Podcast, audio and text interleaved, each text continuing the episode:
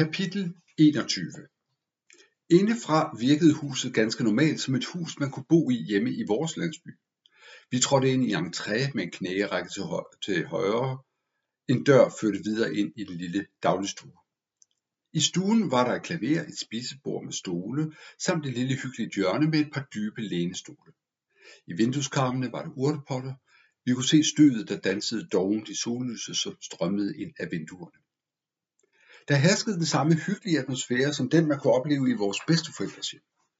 Vi så os forvirret omkring, men stuen var tom. Det samme var det meget store køkken, som vi undersøgte bagefter. Det var et ordentligt, overordentligt veludstyret køkken med knive og potter, der hang på væggen, og der var god bordplads. Derfra undersøgte vi et fint lille toilet med træk og slip og blomstret toiletpapir. Vandcisternen hang højt over toilettet. Jeg kneb mig i armen. Var det her et hus fra 1530? Det mindede mig om min mormors hus. Heller ikke det lille soveværelse, hvor der stod to små senge, gav noget resultat, og vi vendte tilbage til dagligstuen. I lang tid sad vi stille, og den eneste lyd, der hørtes, var det store Bornholmerurs tikken henne fra hjørnet. Og så med et lød der en spinkel stemme. Goddag, mine små venner. Hvor er det hyggeligt, at I vil besøge sådan en gammel kone. Vi vendte os bræt i stolen, og der i døren ud til entréen stod en lille skrutrykket gammel kone med hvidt hår, små guldindfattede briller og en stok i hånden. Hun havde en kjole på, som fuldstændig lignede de kjoler, min mormor havde haft. Det er så længe siden, jeg har haft besøg. Har I lyst til en lille kage? Hun forsvandt ud i køkkenet uden at vende på svar, og vi kunne høre, hvordan hun arrangerede derude. Jeg vendte mig mod Jens. Jeg var meget urolig. Nok havde konen smilet til os, men smilet havde ikke nået hendes øjne. De havde set skarpt og vurderende på os, som om hun tog mål til et eller andet. Vi måtte passe på. Det var dog svært at være vagtsom, da konen kom ind med de lækreste kager, jeg nogensinde har set. Hun satte fad på bordet og inviterede os til at tage fat, og vi behøvede ingen overtagelse. Kagerne smagte vidunderligt. Sådan skulle alle bedsteforældre kunne bage. Og det var underligt. Jo flere kager jeg spiste, og jo oftere jeg kiggede på konen, des mere lignede hun min mormor. Det var dog sært. Men jeg spekulerede ikke meget over det. Kagerne bort jo enhver bekymring, som de dog smagte. Farmor, hørte jeg Jens sige. Hvordan kan det være, at du bor her i Vildsager? Bor du ikke i Næstved? Kagekrummerne stod ud af Jenses mund, mens han talte. Det skal du ikke spekulere over. Nu, lille Jens, læg du dig bare ind og hvil dig, så kan vi snakke sammen, når du vågner. Hun smilede igen venligt til Jens, og igen var det som om smilet kun var om hendes læber. Men jeg kunne simpelthen ikke samle mig sammen til at undersøge sagen nærmere. Det lød dejligt med lille blod. Så kunne vi altid se, hvad der så skulle ske. Mormor var i hvert fald ikke farlig. Jens og jeg lagde os i hver sin ende af den dybe sofa og faldt omgående i søvn. Jeg ved ikke, hvor lang tid jeg havde sovet, da jeg vågnede ved lyden af stemmer. Det var mormor og Jens, der talte sammen. Mormor sad bøjet over Jens med en bog med billeder i. Jeg kunne i hvert fald høre dem tale om de forskellige billeder. De talte længere om billedet af en smuk gazelle og en sort panter. Men se her. Her er der en hane, Jens. Kunne du ikke tænke dig at ligne en hane? Jeg synes faktisk, at du er så flot, at du skulle vælge denne her flotte hane. Se, hvordan dens fjer stråler og skinner. Den minder om dig, Jens. Mormors stemme var dejligt blød og behagelig at høre på. Jeg kunne godt forstå, hvis Jens havde lyst til at ligne en flot hane.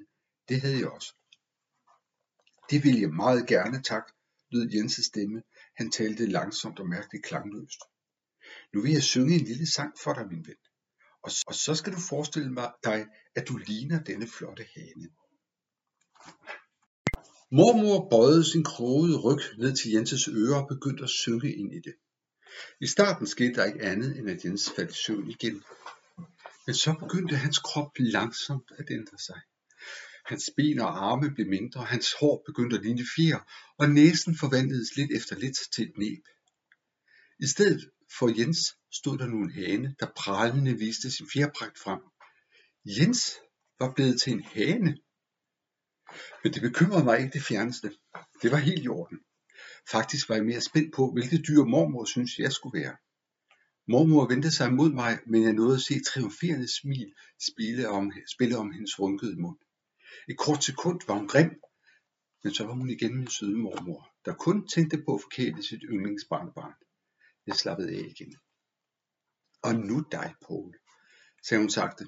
Se godt på billederne i den bog. Så vælger vi et dyr, som vi synes, du ligner, og så vil vi forvandle dig til det dyr. Kunne det måske ikke være sjovt? Hendes ansigt fortræk sig indestængt morskab, og hun godtede sig, så hele hendes lille krop rystede. Jeg nikkede ivrigt. Det lød alle tiders. Min mormor åbnede bogen og holdt den, så vi begge to kunne se billederne i den. Der var mange dyr. Jeg pegede ophidset på en billede af en stolt havørn, der svævede over havet på jagt efter bytte, men hun rystede på hovedet og sagde, nej, ved du nu hvad, du ligner da ikke en havørn, gør du? Jeg rystede også på hovedet. Egentlig synes jeg nok, at jeg havde en del til fælles med dette stolte dyr, men alligevel synes jeg også, at hun havde ret. Og hun var den klogeste, så det var naturligvis bedst, at hun valgte for mig. Mormor afviste også mine andre forslag om at blive til en frygtelig løve, en fyre i hængst, en ensom ulv. Men endelig fandt hun det billede, hun søgte. Se, Paul, viskede hun så sagte, at jeg knap kunne høre hende. Jeg kiggede på billedet. Det forestillede en smelfed so, der lå i pløret ude på en mark. Dens tryne var dybt begravet i mudderet, og den små blå øjne stirrede stift ned i jorden på jagt efter trøfler. Se, sagde hun igen. Det er det billede, jeg har valgt til dig. Har du ikke lyst til at blive den fine so? Den ser det ud til at have det sjovt, ikke? Af en eller anden grund følte jeg mig skuffet. Hvorfor skulle Jens være en smuk hane, når jeg skulle være en fed, klam so? Det kunne da lige så godt være omvendt. Men igen følte jeg mig for svag og for ligeglad til at protestere. Jeg nåede med at nikke, og mormor tog bogen og begyndte at synge. Det var en dejlig sang, og jeg følte mig ganske afslappet. Jeg mærkede en behagelig varme i mine fødder, og varmen bredte sig længere op.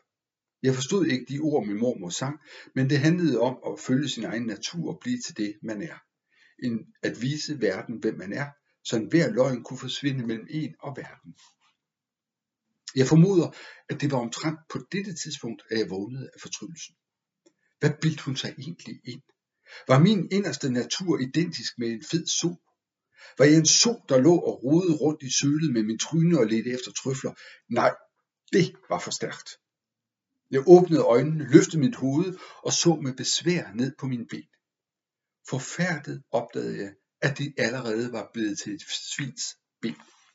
Fra hoften og ned efter lignede jeg nu et svin. Jeg følte pludselig panikken gribe mig, og med en voldsom kraftanstrengelse greb jeg fat i bogen, som konen, der nu ikke længere lignede min mormor så meget, sad med.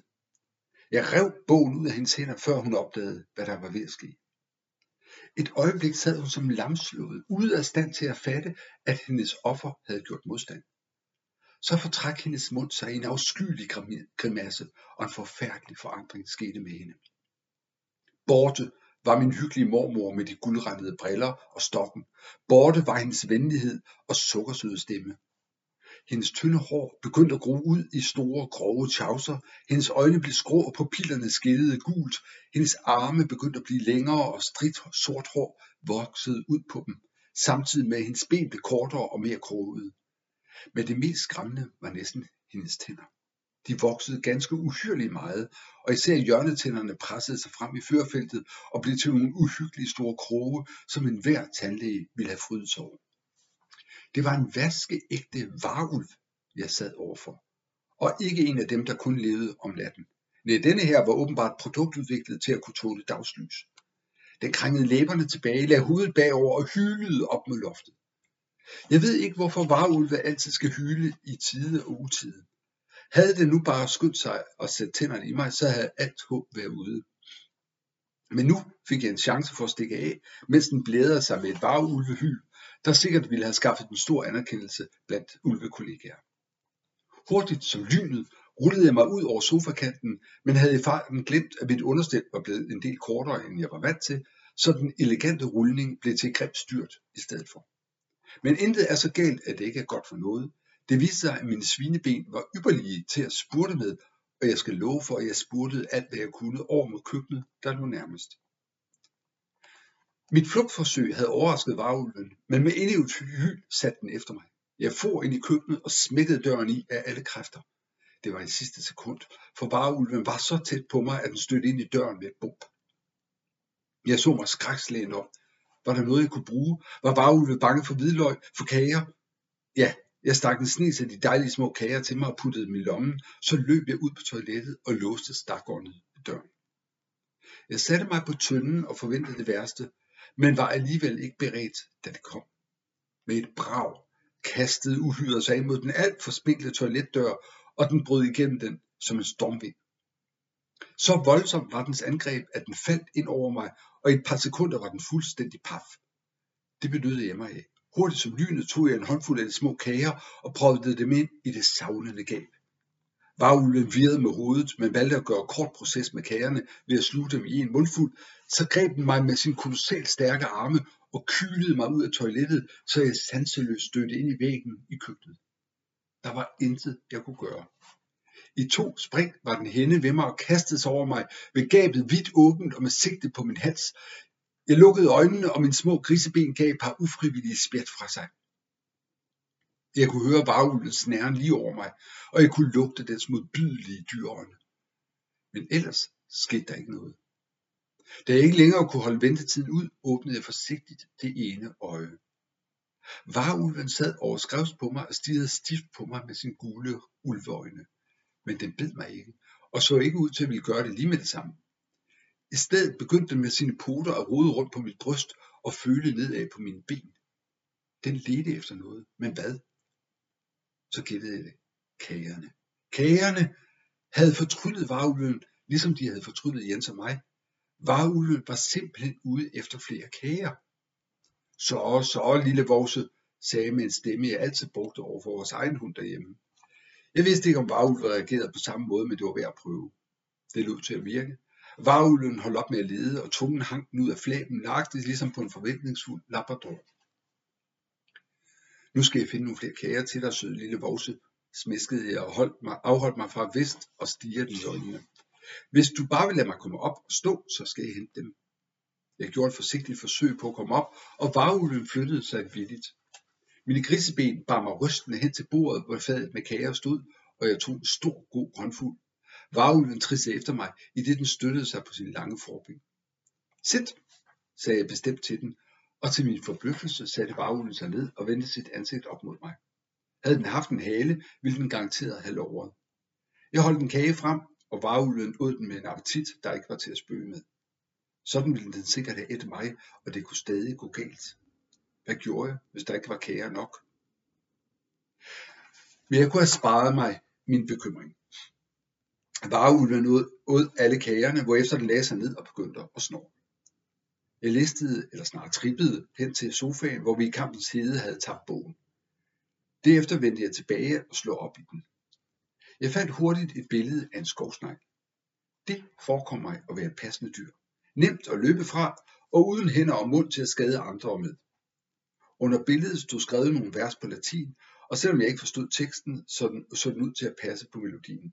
Jeg indgår mig bygge vil. Sagte begyndte jeg at synge. Der skete flere ting i løbet af denne sang. Det vigtigste var, at varulvens krop langsomt begyndte at forandre sig, ligesom Jenses og min havde gjort det. For hvert vers, jeg sang, forandredes det ene lem efter det andet, og ved sangens afslutning lå der en sød, lille, sort skovsnegl og slumrede. Desuden opdagede jeg, at selvom min forvandling ganske vist ikke var fuldendt, var det ikke blot mine ben, der var forandret. Det viste sig, at min stemme også havde forandret sig, for mens jeg sang, kunne jeg ikke undertrykke et par grund. Udover forskrækket mig, klædte det absolut ikke sangen, men heldigvis lod det ikke til at bryde trolddommen. Jeg håbede dog inderligt, at der var en måde at blive forvandlet tilbage på. Men først i dette øjeblik gik det op for mig, at en skovsnegl ikke kunne tale. Hvordan skulle jeg få mine egne ben tilbage? Jeg ville dø af skam, hvis jeg skulle vise mig for andre som, øh, med ben som et svin. En galen bag mig fik mig til at huske på Jens. Jeg løb ind i stuen og så den flotte hane, der stod og krogede sig, som om der ikke var noget i vejen. Jeg gik hen til bordet, hvor jeg satte mig ned for at læse i bogen. Den var fuld af billeder og vers, der kunne omskabe et menneske til noget andet. Det jeg først og fremmest ledte efter, var et billede af et menneske. Det ville vel så betyde, at man vendte tilbage til sin oprindelige skikkelse. Men der var intet billede, og eftersom den sparsomme tekst var skrevet på latin, kunne jeg ikke læse mig frem til løsningen. Jens gik rundt og ledte efter mad på gulvet. En gang imellem klukkede han så modet og så fiffigt op på mig. I min nød gik jeg hen til vinduerne og kiggede ud, mens jeg overvejede situationen. Jeg fik med det samme øje på greven og Agnete. Det var måske løsningen, selvom jeg ikke var glad for det. Greven kunne læse latin, han ville kunne læse den fordøbte bog og finde ud af, hvordan vi kunne få vores rigtige skikkelse tilbage. Der var kun et problem. Ingen måtte se mine ben. Jeg kiggede ud igen. Agnete og greven stod og snakkede, mens de kiggede på huset, og det var tydeligt, at de ikke kunne se, at jeg vinkede til dem. Udefra kunne man ikke se ind i huset, men indefra kunne man se alt udenfor. Jeg var altså nødt til at gå ud af døren og få greven hej. Jeg kunne lige så godt få det overstået. Først gik jeg dog hen til en stor kommode og åbnede skufferne. I den nederste skuffe lå der en hel del kjoler og nydeligt lagt sammen, og jeg skyndte mig at svømme den største omkring mig. Den var blomstret alt for kort, men det kunne der ikke gøres noget ved. Jeg åbnede døren og kaldte. Paul, råbte greven synligt lettet. Hvor er det dejligt at se dig igen. Er alt vel? Er Jens også i live? Han går løbende hen til lågen i stakittet fuldt Agnete. Alt er velgreve, råbte jeg tilbage. Vi har ordnet problemet, men der er et par detaljer, som lige skal på plads, og jeg vil gerne bede dig hjælpe os. Greven stansede og vendte sig mod Agnete, men hun overhalede ham og løb hen til døren. Hendes dejlige kønne ansigt strålede mig i møde med et stort smil. Jeg mærkede, hvordan jeg blev svag i min grise knæ, indtil det gik op for mig, at en smil mere lignede grin, hvilket blev helt tydeligt, da hun kom hen til mig. Hun kunne næsten ikke snakke for bare latter. Hvor ser du dog sød ud, Paul, gispede hun endelig. Både ben og kjole klæder dig noget så godt.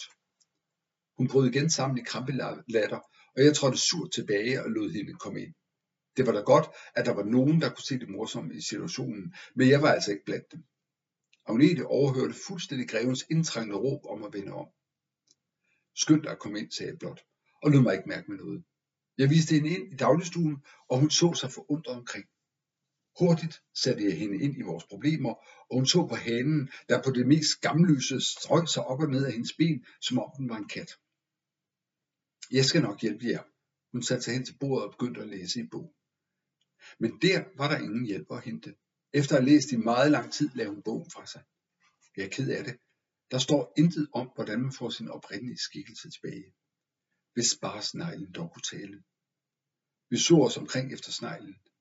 Den var væk. Jeg havde rent glemt min skyndingen. Min ydmygelse var total.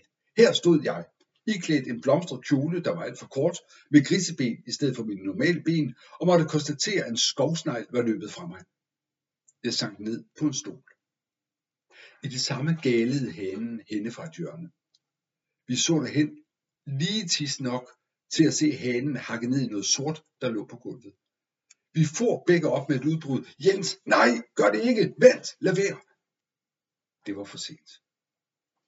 Hanens skarpe næb gennembrød skovsneglen og hakkede den midt over. En lyd som et hjul, der punkterer, fyldte stuen, blot meget højere, og en grønlig sky indehøllede hjørnet og skjulte både sneglen og hanen.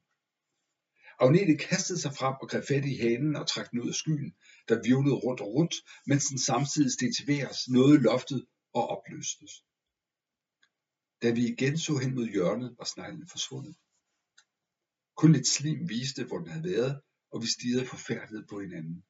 Vores sidste redning var forsvundet. Vi var dømt til i al evighed at leve med vores dyrkroppe. Jens, din store tosk, råbte jeg vredt til ham. Han stod og kiggede på mine ben. Er du klar over, hvad du lige har gjort? Du har lige slået vores eneste håb ihjel. Åh, oh, for pokker da også. Jeg begravede dybt frustreret mit ansigt i hænderne. I lang tid skete der intet. I meget lang tid. Så lang tid, at jeg til sidst kiggede ud mellem mine fingre og så Agnete og Jens stå ved siden af hinanden, mens de smilende kiggede på mig. Først nu lagde jeg mærke til, at Jens ikke længere var en hane, men havde sit normale udseende. Man kan jo så altid diskutere, om det var at foretrække, men hvis det galt for ham, galt det måske også for mig. Lynhurtigt tjekkede mine ben og så til min umådelige lettelse, at det er der var mine egne helt personlige og smækre ben, der stak ud under kjolen. Ved at slå troldkvinden ihjel, havde Jens intet anende ophævet fortrydelsen. Nu startede eftersøgningen af nøglen. Jeg ledte i soveværelset, Jens i køkkenet og Agnete i stuen. De få kager, vi fandt i køkkenet, smed vi ud med det samme. Det gik ikke andet, at de blev spist af andre. Og det var et kapløb med tiden. Nu da troldkvinden var død, begyndte hendes trolddom, der havde virket i huset, at fordampe, og det samme gjorde huset. Tingene begyndte at gå i opløsning. De blev ligesom blegere og blegere og mere og mere gennemsigtige. Hvis vi ikke snart fandt nøglen, ville den forsvinde med huset. Jeg rodede Fibrins kones sengetøj igennem. Hvor i verden ville en gammel troldkvinde gemme en nøgle? Vi bliver snart nødt til at forlade huset, råbte Jens ud fra køkkenet. Hvis vi bliver her, risikerer vi at gå i opløsning sammen med det. Jeg tror, jeg er ved at blive gennemsigtig. Jeg vendte mig mod køkkenet og kunne se Jens gennem muren, der adskilte køkkenet og soveværelset. Jeg så på mine hænder. Jeg kunne også se igennem dem. Det var ved at være i sidste øjeblik. Jeg tvang mig til at smide det lagen, jeg stod med i hånden, og som jeg nu knap kunne se. Så vendte jeg mig mod døren og løb alt, hvad jeg kunne, ud gennem køkkenet, ind i stuen og ud i entréen, hvor Jens og Agnete allerede stod. Jeg lagde mærke til, at jeg kunne se muren igennem den. Jeg åbnede yderdøren. Ud, råbte jeg. Nu eller aldrig. Så for jeg ud af døren. En skulle være den første. Jens kom ikke. Han ventede på, at Agnete skulle gå først, men Agnete tøvede. Hun så på dørens nøglehul, hvor der sad en nøgle. Nøgle! Men det var for sent. Kom nu ud, I er ved at forsvinde, skreg jeg og bakkede lidt væk. Agnete tog fast tag i nøglen, drejede den rundt og hævde den ud af nøglehullet. I samme øjeblik tog Jens hende om livet og kastede hende ud på stien. Det var i aller sidste sekund. Knapt havde de ramt stien, før huset forsvandt og blev til en lysende boble, der hastigt steg til værs. Da den nåede højere op, brast den som en sæbeboble, og alt i huset forsvandt sammen med det. Jeg tørrede sveden af panden. Det havde været lige til øllet. Greven stod ved siden af os og kiggede op i luften. Hvad i alverden skete der, spurgte han. Og til svar rakte Agnete ham en lille nøgle. Jeg så stolt på greven. Vi havde klaret det endnu en gang. Nøgle nummer to var hjemme.